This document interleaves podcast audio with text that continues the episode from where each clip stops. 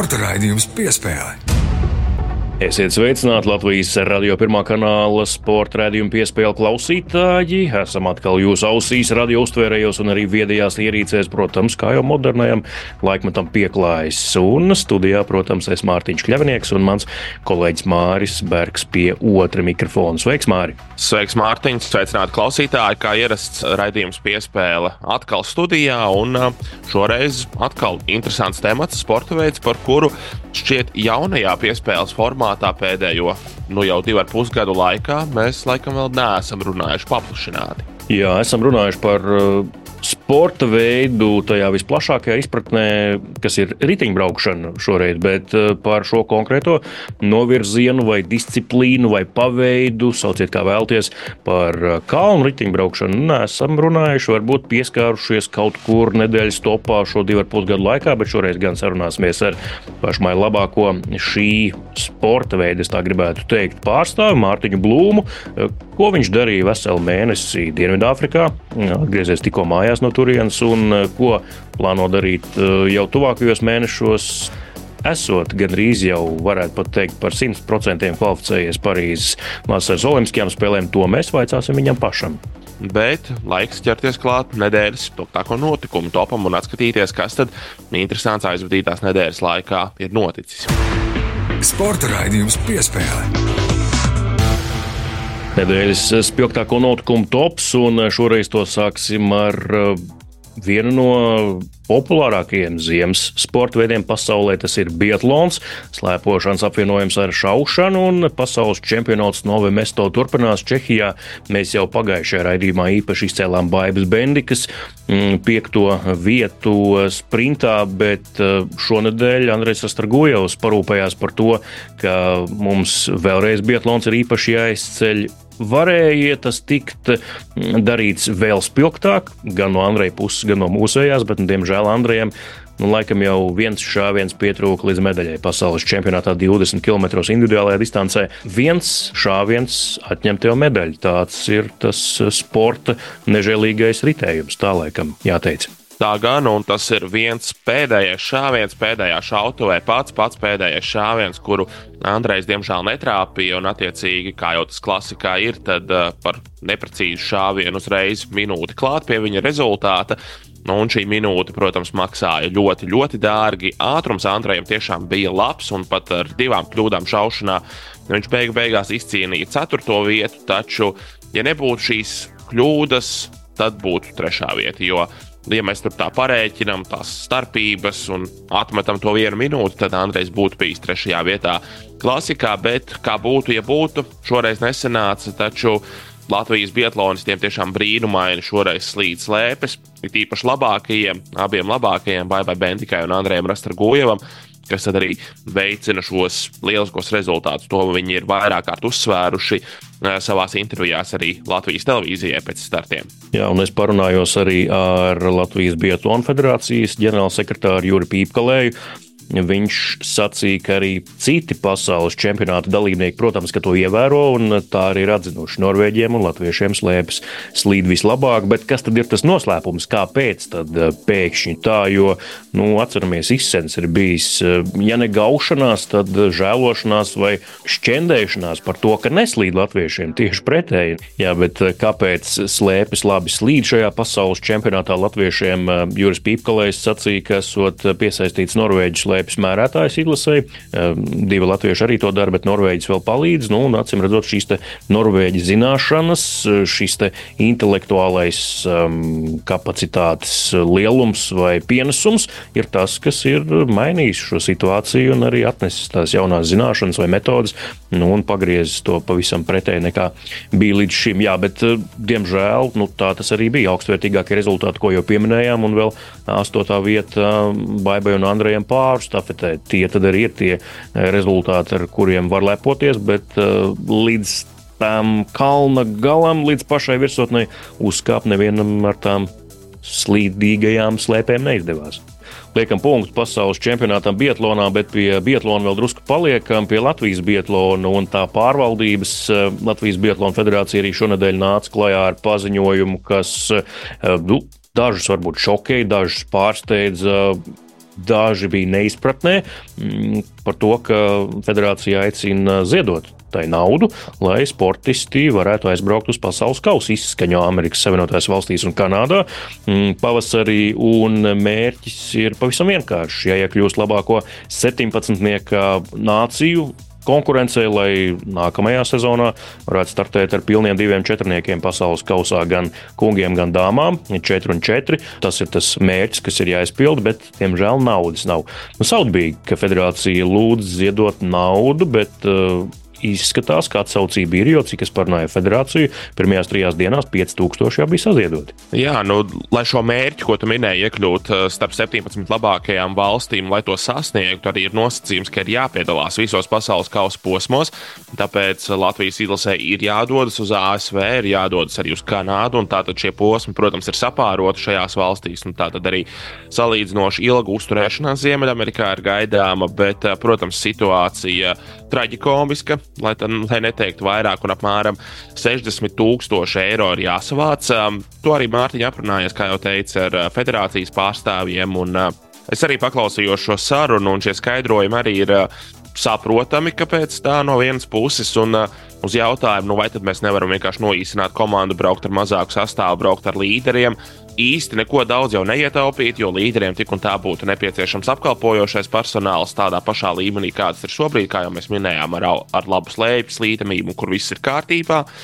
Nu, attiecīgi, ne, dažus sportistus atstājot mājās, acīm redzot, nekas daudz neietaupītos. Bet pats fakts, ka pietrūks 60 tūkstošu sezonas izskaņai, nu nekas labs jau tas nav kā arī federācijas eh, pārstāvji man sacīja, varētu jau sūtīt uz Ziemeļameriku tikai dažus labākos sportistus un varbūt vienu smērētāju, lai būtu tikai šī piedalīšanās, bet nu, ko tad teikt sabiedrība no otras puses, tad kāpēc tad mēs tur aizbraucam tik tālu un eh, finišējam 70. un 80. vietā un apmēram tam līdzīgi. Tāpēc, eh, jā, interesanti, saudabīgi izskan kulāros runas, kaut kur es pat tā dzirdēju, ka varbūt pat, pat federācija pie tā ir vainīga ka nav kaut ko līdz galam aprēķinājusi, ka šāds iztrūkums ir. Nu, kā jau sacījis pats ar federāciju runāja, nu, viņi gan saka, ka viss bija izrēķināts jau pagājušā gada izskaņā, un tad jau tika saprasts, ka apmēram šāda summa iztrūks pie dažādiem mainīgiem un apstākļiem.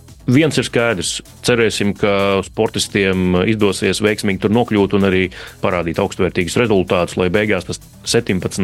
nāciju rangā tomēr tiktu izcīnīts. Jāpiebilst, ka šis arī nav saistīts ar pārmaiņām Latvijas sporta finansēšanas modelī. Proti, kā zināms, valsts finansējums sporta veidu federācijām vēl nav piešķirts. Arī šajā virzienā Izglītības un zinātnes ministrija Latvijas Olimpiskā komiteja turpina strādāt, lai sportisti tomēr saņemtu savu finansējumu. Bietlānā tas nav tāpēc, Bietlānam vienkārši šobrīd pietrūks naudas lai aizvadītu pilnvērtīgu sezonu. Esmu dzirdējis arī viedokļus, ka Biatlona federācija pati tomēr ir arī vainīga pie tā, kā jau tu minēji. Jo, nu, atceramies, tomēr neturpinās sadarbība, piemēram, ar Nacionālo bruņoto spēku sporta klubu, kas arī nodrošināja zināmu finansējumu šim sporta veidam.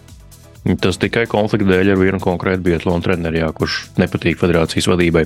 Ehm, atkal vecais labais es neteikšu, bet vecais stāsts, eh, kur latvieši kaut ko Sporta federācijā nevar savā starpā sadalīt. Turklāt tai federācijai tā jau nav naudas un kļūst vēl mazāk šo ķīviņu, iekšējo ķīviņu dēļ. E, nu, diemžēl jā, tas ir kārtējais šāds stāsts, bet uh, ar cerību, ka nākotnē Latvijas biatlonam ne tikai sportiski, bet arī iekšēji struktūrāli un organizatoriski veiksies labāk. Bet nu gan liekam punktu biatlonam e, kopumā un dodamies pie nedēļas top otrās pieturvietas. Un nedēļas topā otrais pieturas punkts eh, - sporta karalis futbols. Latvijas futbola virslīga. Vaicāsiet, kāpēc eh, tā ir iekļauta kā otrā pieturvieta topā, ja reiz futbola virslīga vēl pat nav sākusies. Mm, jā, ir jāgaida vēl pusmēnesis līdz jaunās sezonas sākumam, bet šonadēļ tika izziņots kalendārs. Un sezona sāksies eh, mārta pirmajā dekādē, 8. martā, un eh, sāksies ar pagājušās sezonas čempionu RFS un bronzas medaļnieku Audas savstarpējo dueli. Sezona beigsies 9. novembrī. Jā, tie ir divi atslēgas datumi šajā sezonā - 8. marts un 9. novembris. Un, protams, ceram, ka tikai 9. novembrī mēs arī noskaidrosim Latvijas čempionus 2024. gadā. Kāpēc tā? Pavisam vienkārši, lai visu turnīru arī saglabājas intriga un nu, lai finišs būtu līdzīgs kā aizvadītajā sezonā, kad būtībā pēdējās kārtas, pēdējās minūtēs tikai viss atrisinājās un tāpa skaidrs. Un, Par kalendāru varam piebilst, ka ir vēl pāris interesantas nianses. Nav noslēpums, kā abi galvenie favorīti virslīgā ir FC Riga un RFS, pašreizējā valsts čempioni attiecīgi. Šīs abas komandas savā starpā spēlēs katra apļa pēdējā kārtā. Nu, tātad, attiecīgi, 9., 18., 27. un 38. kārtā ir gaidāms Rīgas derbijas starp šīm abām komandām. Nu, redzēsim, vai Rīgas derbijas pēdējo reizi šogad, 38. kārtā, vai tas kādā veidā ietekmēs cīņu par Latvijas čempionu titulu. Varbūt viss būs izšķīries, varbūt kāda cita pilsēta šogad kļūs par Latvijas čempionu. Varbūt Valmiera, varbūt Liepāja, Daugopils, kas zina. Piespēle. Un šīs nedēļas spilgtāko notikumu topu noslēgsim ar basketbolu. Sestdienas vakarā Jelgavā notika Latvijas kausa fināla mačs. Tur nu, diena zvaigžņots sastāvs laukuma malā. Vēroja šo spēli daudzi Latvijas basketbola izlases kandidāti, kuri spēlē ārzemēs. Rihards Lomašs, Kristers Doriks, Jānis Strēlnieks, arī izlases galvenais treneris Luka Bankī skatījās šo spēli no malas, bet laukumā Rīgas VF pret Rīgas zeļiem un VF uzvara pārliecinošu uzvaru ar 94 pret 69 un trešais Latvijas kauss pēc kārtas kopš šī mm, trofeja atkal ir uh, dzīva, ja mēs to tā varam teikt, kopš turnīrs ir atjaunots. Tikai Vēfrīgi ir izcīnījis šo Latvijas kausu. Jā, nu, diemžēl Rīgas zeļiem neizdevās uh, sagādāt cīņu cīņu VFAB, un uh, abām komandām tā bija otrā savstarpējā spēle šonadēļ. Un uh, tātad viena apvienotajā Latvijas-Igaunijas basketbola līgā un otra Latvijas kausā sestdien. Jā, abās VF Rīgas vinēja pārliecinošas uzvaras. Jāsaka tā, ka VF uz sezonas otro pusi spēlē krietni, krietni labāk nekā rudenī, vēl agrā ziemā. Tad VFam uh, spēle īsti nevedās. Uh, arī sastāvs ir mainījies, ir piesaistīti vairāki citi leģionāri, izskatās, ka šī komanda ir uzņēmusi tādus savus īstos apgriezienus, un tagad uh, spēlē labāk. Jāsaka, ka Rīgas zeļiem arī noteikti pietrūkst tas pats Francis Lācis. Ļoti liela daļa no šīs komandas, viens no līderiem. Viņš, kā zinām, tātad ar 3 pret 3 izlasi gatavojas jau Olimpiskajiem kvalifikācijas turnīriem. Redzēsim, kas notiks ar Zigmāru Raimo, vienu no šīs komandas arī līderiem. Arī viņš 3 pret 3 basketbolu spēlē un to dara labi. Arī viņam būtu jāgatavojas Olimpiskajai kvalifikācijai. Pagaidām viņš šīs lietas, proti, klasisko basketbolu un 3 pret 3 spēju savienot. Tagad, kā no zēļu puses ir dzirdēts, tad tagad notiks pārunas, ko tad mēs iesāksim un ko darīsim ar Zigmāru Raimo, kā būtu labāk. Tāpat laikā pirmajā sezonā, kad komanda vispār pastāv iekļūt Latvijas kausa finālā, tas arī ir liels sasniegums. Zaļiem par to noteikti uzslavas. Daži kulāros es dzirdēju jokoja par to, ka finālā spēlē pietrūka Aleksandra Samoilova divu punktu un tādas enerģijas Mm, ienešanas kolektīvā, lai uh, zēļi sparīgāk pacīnītos ar Vefrīgu, bet uh, jā, Vef tiešām pārliecinoši bija. Trešās ceturdaļas sākumā tāds neliels kritums Vef sniegumā, kad zēļi pievilka rezultātu starpībā klāt līdz mīnus 4, bet nu, tomēr Vefrīga saņēmās un lietas nokārtoja līdz galam. Gregorijs Vitingtons, amerikāņu centrs, viņu atzina par fināla spēles vērtīgāko spēlētāju. Tieši šis centrs arī ir viens no tiem iegūmiem sezonas otrajā pusē, kas ir nu dienu faktors, kas var nospēlēt par labu VF Rīgas komandai gan Latvijas-Igaunijas līgas fināla četrniekā, kur visticamāk viņi būs, un arī Latvijas līgas izslēgšanas ciņās. Jā, tā ir. Tā ir. Un šim konkrētajam amerikāņu basketbolistam arī Spānijas ACB līgas pieraksts ir, kas, protams, ir kvalitātes zīme Spānijas ACB līgā nu, nekādus vakarējos, tā teikt, neņem. Tur spēlē tiešām nopietni spēlētāji. Un, uh, VF uh, sezonas otrajā pusē komplektācija noteikti izskatās labāk nekā tā bija oktobrī, kad sezona sākās. Varbūt komplektācija pat par sevi neizskatījās tik slikti, taču sniegums laukumā gan īsti nebija salicies. Nu, tagad Jānis Gailītam un viņa palīgiem uh, treneru korpusā ir izdevies sakārtot spēli, un uh, VF nu, šobrīd izskatās pēc labi ieļotas mašīnas. Jā. tad, tad eh, liekam punktu šīs nedēļas eh, spilgtāko notikumu topam un tūlīt jau saruna ar pašmāju labāko kalnu riteņbraucēju Mārtiņu Blūmu. Un parunāsim ar viņu gan par gaidāmajām Parīzes Olimpiskajām spēlēm aizvadīto sezonu, kura viņam bija labākā līdzinājā karjerā, kā arī par interesantām aizkulisēm Dienvidāfrikā, gan treniņu nometnē, gan arī sacensībās, kurās viņš piedalījās. Jau tūlīt saruna ar Mārtiņu Blūmu. Piespēle studijā Mārtiņš Kļavnieks un Mārs Bergs. Māri šoreiz par riteņbraukšanu parunāsim, bet droši vien, ka daudz, kur iedomājas riteņbraukšanu, sporta riteņbraukšanu, vispirms domā par šoseis riteņbraukšanu. Arī Latvijai tur panākumi pēdējā laikā un labi riteņbraucēji daudz, bet šoreiz gan ne par šo riteņbraukšanas veidu. Jā, kā zinām, riteņbraukšanai, protams, ir daudz un dažādas disciplīnas. Šoseis riteņbraukšanā pēdējos gados Latvijai vislielākie panākumi, protams, arī BMX riteņbraukšanā Latvijai divas olimpiskās zelta medaļas galu galā Mārim Štrombergam Lembergam, bet uh, ir vēl viens ļoti populārs riteņbraukšanas veids arī amatieru līmenī, un ne tikai Latvijā ir arī ļoti augsta līmeņa profesionāls riteņbraucējs šajā disciplīnā. Proti, es runāju par kalnu riteņbraukšanu, jeb tā saucamo MTB, un mums šoreiz studijā pievienojas Latvijas labākais kalnu riteņbraucējs Mārtiņš Blūms. Mārtiņš, sveiks! Sveiks, Mārtiņ. Jā, nu, tu nesen atgriezies Latvijā no Dienvidāfrikas tālās. Kāds bija mājapceļš? Jo parasti jau tādi tāli pārlidojumi ir tādi īpaši saldi, ka tu nolaidies uz Latvijas zemes. No Dienvidāfrikas lidot uz Latviju šajā gada laikā varbūt nav tas patīkamākais process, ko darīt, bet jā, mājas ir mājas tomēr un ir patīkami šeit atgriezties, tāpēc biju priecīgs lidot mājās pēc mēneša garās nometnes Āfrikā par Dienvidāfrikas republiku runājot, tad ilgu laiku tur uzturējies, aizvadīja ne tikai nometni, bet sacensības. Es pirms gan gribēju jautāt par nometni, nu, varbūt pastāsti, kāpēc jūs kā komanda, jūsu komanda izvēlējās tieši šo valsti, lai tur trenētos. Mums ir pirmā nometne sezonā parasti tāda, kur notiek bildēšanās, filmēšanās sponsoriem. Un, lai tas netiktu darīts sezonas laikā un netraucētu sacensību procesam, tāpēc mēs izvēlamies to darīt sezonas sākumā. Ir labs klimats, ļoti silts laiks, tad, tad mēs izvēlamies šo vietu tieši fotosesijai. Kas arī, protams, mums veselībai nāk par labu. Mums nav jāsalst kaut kur Eiropā fotosesijās, tad mēs varam izbaudīt šo siltumu un pie reizes arī trenēties. Reizēm pie 40 grādiem, tā kā varēja kārtīgi pasauļoties un sasildīties. Bet no tādas kalnu riteņbraukšanas viedokļa, tur Dienvidāfrikas Republikā notiek daudz dienu maratons, izturības sacensības Cape Epic. Arī latvieši tur ir braukuši. Tieši no tādas sportiskās puses, ko jūs tur darījāt, ko jūs tur iegūstat šajā zemē ar savu reljefu un visām pārējām lietām, kas tur ir.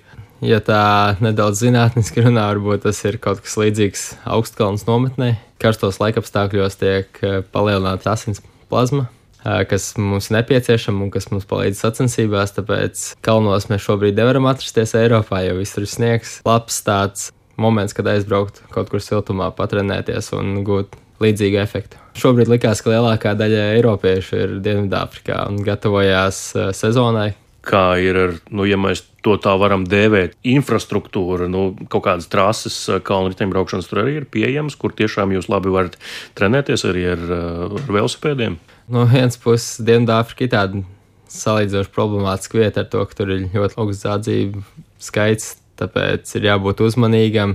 Kurā brīdī to velosipēdu vilkt ārā? Mēs vairāk cenšamies braukt grupās, mm. kas ir drošāk. Tāpēc jā, ir labi, ja daudz komandas tajā brīdī atrodas Dienvidāfrikā. Bet Kāds jā, ja incidents ir bijis, nav bijis. Jā, vispār tieši pirms mēs ieradāmies, bija divi gadījumi, kur uh, tika uzbrukts riteņbraucējiem uz ceļa Tas tā kā uz Rīgas šoseis dienas laikā. No kāds no krūmiem izlaiž vai nu, tādi jums kaut kāda gadījuma. Kaut kāda apsardze jums tur ir? Nu, mums nav apsardze, tāpēc ir jāuzmanās un jātur acis vaļā, jāsaprot, kur nedrīkst doties. Ir atsevišķi reģioni, kuros nedrīkst iebraukt. Tāpēc ir nedaudz jāpārzina vieta pirms dodas trenēties ja runājam tieši par takām, to infrastruktūru, tad eh, tiešām tā ir viena no labākajām vietām, manuprāt, pasaulē, kur eh, trenēties. Tās takas tiek uzturētas labā līmenī. Ir uh, nepieciešams katram braucējam iegādāties atļauju, jeb numurplati, kas ir reģioniem. Tā kā pa reģioniem sadalīti tie parki, lai nebūtu katrā parkā jāpērk atsevišķi atļauja, tad nopērk kopējo. Tad tā kā autobraucēji pērk viņetes Eiropā, tā jums jā. ir jāpērk šādas. Jā. Jā. Bet, eh, manuprāt, tas ir ļoti labs veids, kā viņiem sadalīt naudu priekš attiecīgiem reģioniem, lai tiktu uzturētas šīs takas. Labi, treniņi ir viens, bet tu piedalījies arī pāris sacensībās, vienās no prestižākajām pasaulē. Momentum Medical Scheme Tankvatrēk, Mārtiņ, pareizi es nosaucu. Jā. Pastāst par šīm sacensībām. Mums ar Mārtiņu uzreiz bija jautājums, kā notiek pāru MTB sacensības. Kā tas Jā. strādā? Kāds princips tur vispār ir? Viens tas, ka noteikti jāfinišē abiem braucējiem, bet ir kaut kādi kontrolpunkti, kuros nedrīkst būt uh, lielāka starpa, pa, manuprāt, divām minūtēm. Starp jums kur, abiem? Jā, kur var uh, tikt uh, dots laika sots, kā vai brīdinājums kāds, bet finišā tiek ņemts otrā braucēja laiks, tāpēc nav vērts, kur aizbraukt tālāk no sava komandas biedra, tāpēc ir jācenšas palīdzēt un kopīgiem spēkiem jāsasniedz labāks rezultāts. Jums ar kanādiešu braucēju ļoti labi izdevās. Kopvērtējumā gan uh, seriālā netriumfējāt, bet tas viens uh, nogrieznis, viena sacensību diena gan bija tā, kad jūs izrāvāt uzvaru. Ja? Jā, kopumā sacensības bija labas. Varēja labi sastrādāties kanādieti. Mums problēma lielākā varbūt bija trešā diena, kurā es pārsitu aizmugurēju ratu, kas mums maksāja 2,5 minūtes jau etapas sākumā. Un pat cik etapas bija ļoti ātras un bija daudz zemesceļu iekšā, tad mēs zaudējām vēl vairāk laika uz zemesceļiem, jo nācās strādāt divatā, kamēr pārējās komandas brauca vienā lielā grupā. Tev arī droši vien riteņa kamera ir līdzi, ko var ātri nomainīt šādos gadījumos. Nu, Dienvidāfrika ir specifiska tādā ziņā, ka tur ir daudz ērkšķi, tā kā kamera tur nekam nelīdz. Ar iepās tiek lietas eh, šķidrums, kas eh, salīmē kādus mazus caurumus vai tādus ērkšķus, piemēram. Ja nu nē, ja ir kaut kas lielāks, tad ir tā kā mašīnām ir diegi, tādas pašas ieliek ritenim riepās un ar ātriem baloniņiem gaisa uzpildītiem tiek. Jā, tieši gribēju teikt, arī vieglajām automašīnām mūsdienās nu, daudzām no tām vairs nenāk rezerves riteņi, vienkārši iepūš tādas speciālas putas, lai tu varētu tikt līdz tuvākajam servisam un saremontēt to riepu kārtīgi. Nu, tev nav laika tikt līdz tuvākajam servisam, ir jābrauc. Jā, man servis ir uz vietas, tā ka visi kabatās ir gan diegi kabatās, gan baloniņi, gan uh, pārslēdzēji ķepiņi, gan savilcēji, gan uh, izolācijas lente. Bet viss tāds ir ļoti kompakts, droši vien, nu, lai to visu tiešām var paņemt un nebūtu neērti, smagi un tādā garā. Jātiek pēc iespējas vieglāk uh, nopakoti braucēji. Jā, mums jārēķinās to, ka mums arī žēlējs, mums ir batoniņi, mums ir vajadzīgs plāns, kā mēs mainīsim dzērienus, un pa visu tiek padomāts, lai būtu pēc iespējas gludāk ritēt viss. Ko var iemācīties vai iegūt personīgi šādās pāris sacensībās? Sadarbība skaidrs, ka jūsu starpā tiek noslīpēta, bet tu kā braucējs, individuālais braucējs, ko sev iegūst, piemēram, gaidāmajai pasaules kausa sezonai ar šādām sacensībām? Nu, viens tas, kas bija ieguldījis jau lielu darbu pirms sacensībām, tā ka sacensības bija tāds komandas pasākums vairāk, bet tāpat laikā tomēr tās sacensības un spēki tiek izsmelti kārtīgi, pārbaudīts fiziskais. Manuprāt, tā bija vienkārši tāda pieredze. Ir man doma nākotnē vēl varbūt nostartēt kādu Epic. Mm. Vispār arī vakardien tika tāds piedāvājums, izskanēja, vai es vēlos piedalīties. Taču jā, tam ir nepieciešama liela gatavošanās. Tā kā varbūt uz nākošajām sezonām. Kas lācītim vēderā? Par nu, jau aizbīto pagājušā gada sezonu pasaules kausā, pasaules čempionātā, nu, tomēr labi rezultāti. Trešā vieta labākā pasaules kausa posmā jā, bija. Jā. Un 11. vieta pasaules čempionātā, kas arī ir ļoti, ļoti augsts rezultāts. Kopvērtējumā, ja nekļūdāmies, pasaules kausā desmitā vieta. Jā. Arī, jā, tā kā pasaules kausa desmitnieks, nu, kurš Latvijas, kurā sporta veidā vēl ar to var lepoties, nav viņa nemaz tik daudz. Kā tu vērtētu šo pagājušā gada sezonu sev? Vai to mēs varam dēvēt, kā mēs ar Mārtu spriedām par tavu karjeras labāko sezonu, vai tu varbūt domā, ka kāda cita ir bijusi labāka? Nu, es domāju, ka tā ir labākā sezona, jo es nevaru gluži salīdzināt sezonas ar uh, U23 kategoriju, kurā es uzvarēju pasaules kausu. Tas tomēr ir cits līmenis, un elite ir tāds nākamais pakāpiens.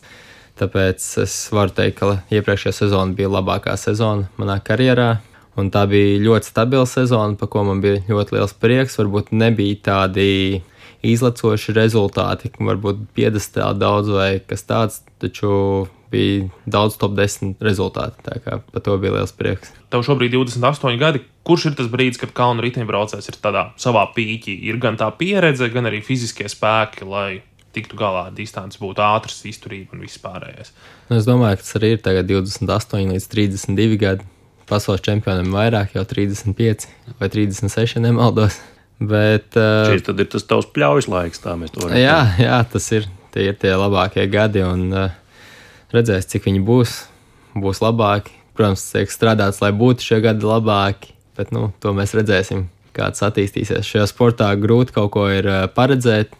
Liekas, varbūt darbs ir izdarīts vairāk sezonā, bet nevienmēr rezultātos tas atspoguļojās. Gadās kāds ērkšķis, tiek pārsist riepa, un Nu, cita apstākļi. Nu, galven, galvenais jau vienmēr ir veselība, un tad tas darbs tomēr tiks izdarīts. Tieši pagājušajā sezonā ļoti iezīmējās nu, izaugsme un arī stabilitāte, nu, kad nostabilizējās šajā desmitnieka līmenī, nu, kļuva par tādu ļoti stabilu elites līmeņa braucēju. Nu, manuprāt, tā liekas, jā, ka tas tā notika. Varbūt arī mentāls beidzot sajūta, ka esmu tur, ka es piedaru šiem braucējiem un varu braukt priekšpusē. Jā, tā pārliecība ir ļoti liela daļa no sporta, tomēr, un viņa ir vajadzīga. Tāpēc šo sezonu varbūt eh, iesākšu ar eh, citu pārliecību un ceru arī, ka tie rezultāti būs jau no paša sezonas sākuma stabili. Jā, nu mēs te pirms dažiem mēnešiem raidījumā piespēlē runājām ar šķērsmetēju Līnu Mūzi, Sirmo. Līna, mēs atceramies. Viņa sacīja, ka principā visu savu karjeru viņa ir līdz pat Tokijas vasaras Olimpiskajām spēlēm nu, bijusi tāda nepārliecināta un tā psiholoģijas, varbūt nenoturība un, un tā mainība. Un, Un tā kuģa šūpošanās tieši psiholoģiskā aspektā arī ietekmē to, ka vienā sacensībās ir labi, tad otrās atkal ļoti slikti. Tad tagad viņi ir atradusi sevi psiholoģiski, arī ar sporta psiholoģijas palīdzību, strādājusi pie tā, nu, un arī savus rezultātus nostabilizējusi. Kā tu strādā? Psiholoģiski pie sevis. Tu pats ar to tiec galā. Es atradu sevi, lasu kādas gudras grāmatas, vai tev arī kāds palīdz. Nu, viens tas, kas, um, protams, mācījos sezonu laikā, tomēr elitējos maizudījis šī būs sestā sezona LT. Tā kā pieredze vācās, bet eh, jā, nepieciešama arī tādi sporta psihologi, un es zinu, ka tas noteikti palīdz. Arī pašam ir doma ar uh, sporta psihologu strādāt šo sezonu, taču jā, redzēs, kā, kāds izvērtīsies, jo tomēr savākt uh, komandu apkārt sev nav nemaz tik viegli. Bet komanda, kurā tu brauc, KMC Ridlī, ja, piedāvā psihologu pakalpojumus. Paši viņi gluži to nepiedāvā, tas ir vairāk personīgi nu, arī man droši vien nederētu kāds ārzemju psihologs, jo tomēr tās sarunas ir dziļākas. Tāpēc es domāju, ka man Latvijā būtu jāmeklē kas šāds, jo tā tomēr ir. Lai gan īsti angļu valoda nav valodas barjera, taču es domāju, ka šajā jautājumā tā varētu būt barjera. Nu jā, labāk tomēr izteikt savus sajūtas, labāk izteikt dzimtajā valodā. Tas būtu precīzāk un tiešāk. Kas vispār ir tās lietas, kas kalnu riteņbraukšanā veido šo rezultātu? Fiziskā izturība, kas vēl? Nu, viens ir jau sākot sponsori, lai būtu budžets sezonai, to jāsāk. Ja nav budžeta, tad īstenībā arī sezonu nevar iesākt. Nu, jā, tad ir veselība, protams, tad ir vajadzīgs salikt kārtīgu plānu, kur, aiz kura ir treneris. Tad ir uh, vajadzīgs fizioterapeits, komandai tāda ir. Protams, uh, mehāniķis, kas ir ļoti liela daļa no sasnieguma, lai ritenis būtu vienmēr perfektā stāvoklī, jo tomēr ir daudz sīks nianses, kas Latvijā varbūt amatieru līmenī nemaz netiek apskatīts, un kas tomēr ietekmē rezultātu. Protams, ir labs uzturs, pat ceļošanai ir ļoti liela nozīme, vai tā ir tā kā komfortabla, tā teikt, varbūt. Kas ietilpst KMC komandā? Tu jau pieminēji mehāniķi, treneri. Nu, cik jūs cilvēki vispār tur esat kopā ar sportistiem un varbūt kādos departamentos ir, cik liels tas cilvēku skaits. Nezinu, cik mehāniķi strādā vispār komandā, vai ir viens galvenais treneris, vai viņa palīgi arī kādi ir, vai ir viens treneris, kurš nosaka kaut kādu taktiku, vai trenē jūsu fiziskā sagatavotību. Pastāst, kas ietilpst komandā. Komandā mēs esam 18 līdz 20 cilvēki. Tā ir tāda pilnā komanda, bet nevienmēr visi cilvēki ir līdzi. Tā kā nav varbūt vienmēr sociālo tīklu pārvaldītāji. Vai, arī tāds jums ir. Jā, jā. Fotogrāfs, divi līdz trīs mehāniķi. Atšķirīgs no pasaules kausa, kā kurš var izbrīvot laiku, divi fizioterapeiti, komandas vadībā, divi cilvēki, fūrs, šofers un pārējie komandas biedri. Seši gabali vēl.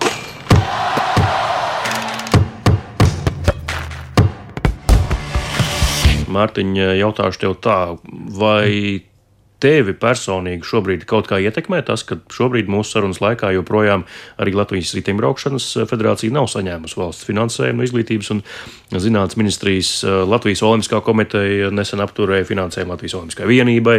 Nu, tur tie ķīviņi un varbūt pat ietekmes dalīšana notiek lielajos gaitiņos vai uz tevi tas kaut kādā mērā vispār atsaucas, vai tu to jūti, vai tas tev neietekmē? Ja es pareizi sapratu, tur bija runa arī par uh, olimpiskiem centriem, ka netiks atbalstīti. Tā kā Jā.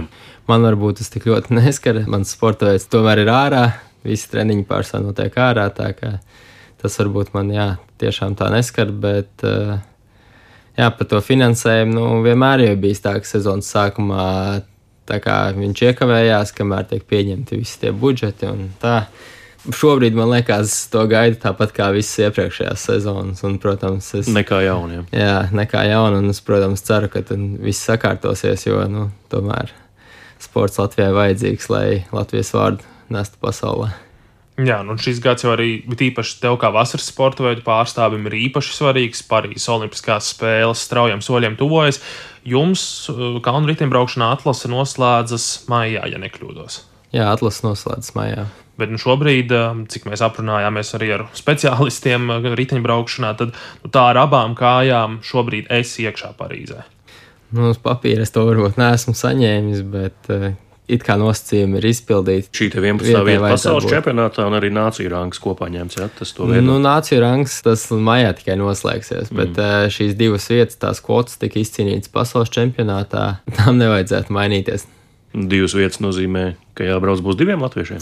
Nē, tas nozīmē, ka bija paredzēta vieta pirmajām divām nācijām pasaules čempionātā, kas nav saņēmušas kvotu nāciju rangā, mm. no nāciju ranga. Tā kā otru valsti šobrīd nezinu, kas tā varētu mm. būt. Bet noteikti tev pašam arī ļoti patīkami ir, ka pirmkārt pašam šis savs karjeras mērķis būs droši vien piepildīts. Nu, pagaidīsim oficiālos apstiprinājumus, bet nu, visticamāk jau viss būs kārtībā. Gala galā kopš 1998. gada Atlantas Olimpiskajām spēlēm, kad MTB debitēja Olimpiskajās spēlēs, tu būsi pirmais latviečs, kurš tur piedalās. Tāpēc arī komandai tas svarīgi. Un vispār Olimpiskās spēles komandai ļoti svarīgas, jo vēsturē pirmais olimpiskais čempions bija mans komandas vadītājs komandai tas ir viens no mērķiem, lai pēc iespējas vairāk braucēju piedalītos. Un, jā, tā izstāsta, ka mēs varētu būt pat veseli četri braucēji, kas piedalīsies Olimpiskajās spēlēs. Tas jau droši vien arī komandai ir nu, labi sarunās ar atbalstītājiem, teikt, lūk, lūk mums ir daži Olimpieši, no labākajiem jā. braucējiem pasaulē. Jā. jā, noteikti komandai tas ir liels pluss, un tas arī visur tiek parādīts, to, ka tas galvenais mērķis ir Olimpiskās spēles tomēr kas tev ir Olimpiskās spēles. Tas ir bērnības sapnis, nezinu, jau apzinātajā vecumā izsapņots un gaidīts. Nu, protams, Olimpiskās spēles liels notikums, jo tas ir reizes četrgadē. Man būs liels prieks, ja es tur varēšu piedalīties, parādīt savu labāko sniegumu, tāpēc darīšu visu, lai es tur būtu pēc iespējas labākā formā. Bet no otras puses, Olimpiskās spēles varbūt nav tas nemaz top līmenis sportā, es teiktu. Katra nācija var maksimums dabūt divas vietas, tad uh, Daudz spēcīgie sportisti paliek aiz borta. Jā. jā, piemēram, Šveicē ir varbūt četri braucēji, kas brauc desmitniekā pasaulē, taču Olimpiskajās spēlēs var būt tikai divi. Tāpēc man grūti pateikt, vai tas ir uh, tās top, top līmenis tieši.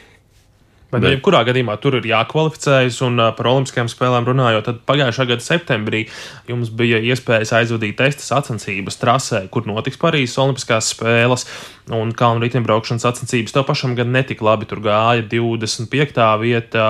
Kā tu atceries šīs sacensības, šo trasi? Kas tur tāds ir? Trasa vispār ļoti specifiska, viņa ir ļoti ātra. Ir pārsvarā grants segums trasē, tikai kaut kādas akmeņu sekcijas tādas nedabiskas, tās ir būvētas viss, tāpēc trase ir tāda mākslīga, viņai varbūt gluži nav īsti tāda ritma. Bet, eh, manuprāt, labi aizvadīju testu, gan sacensības, gan eh, pašu testu kā tādu, jo galvenais bija iepazīt trasi. Varbūt tas rezultāts nebija svarīgākais. Lai gan ar labu rezultātu, protams, vienmēr tā ir tāda morāli laba.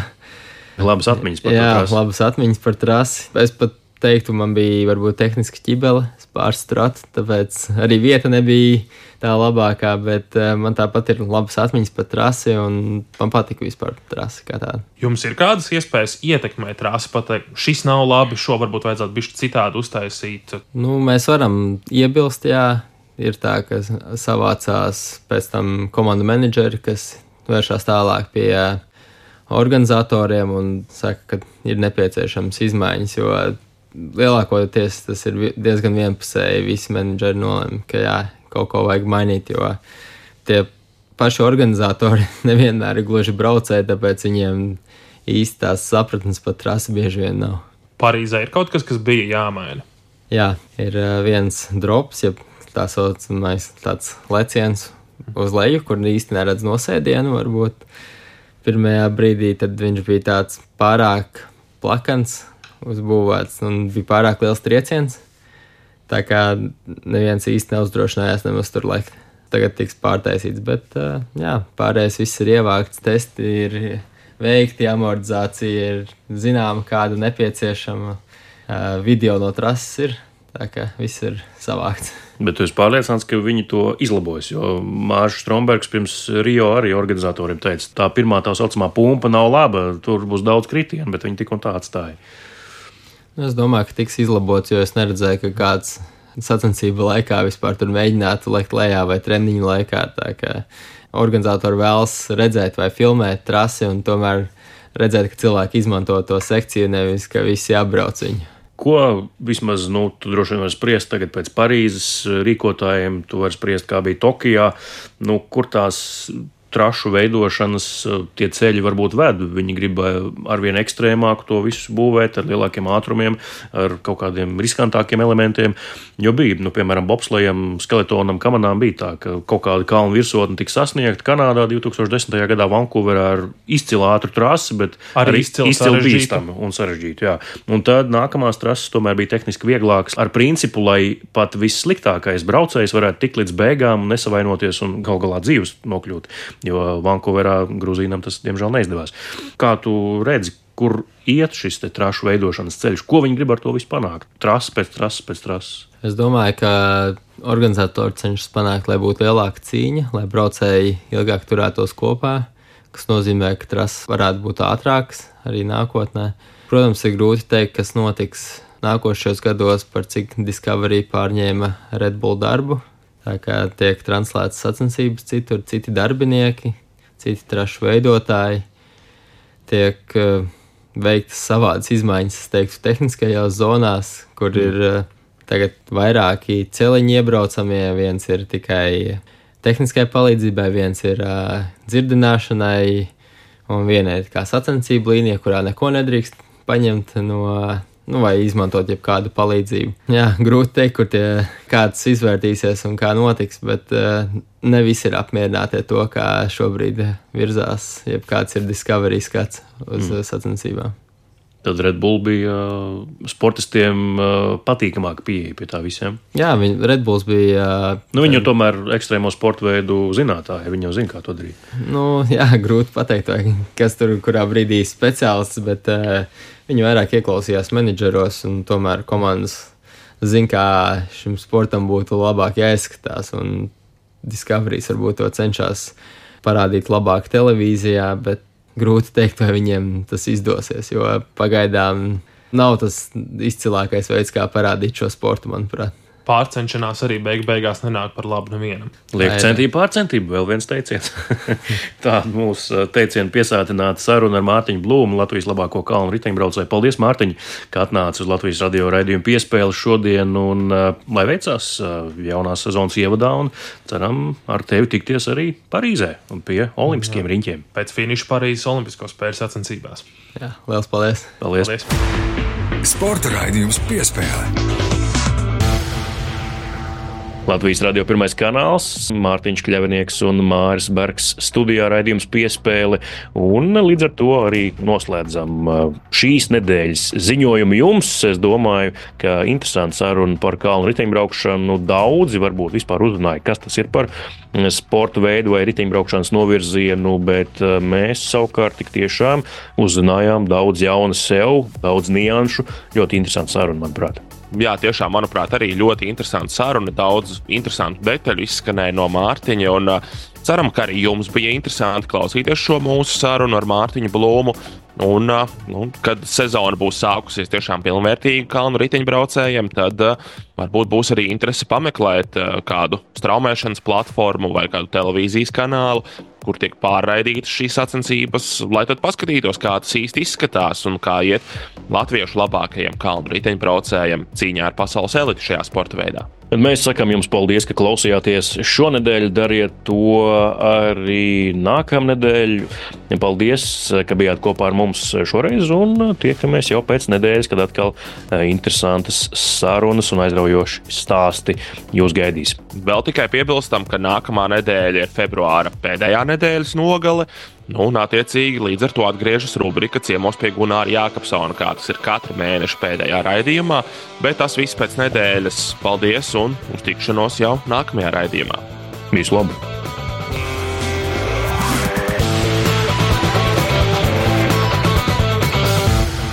Sporta raidījums piespēlē.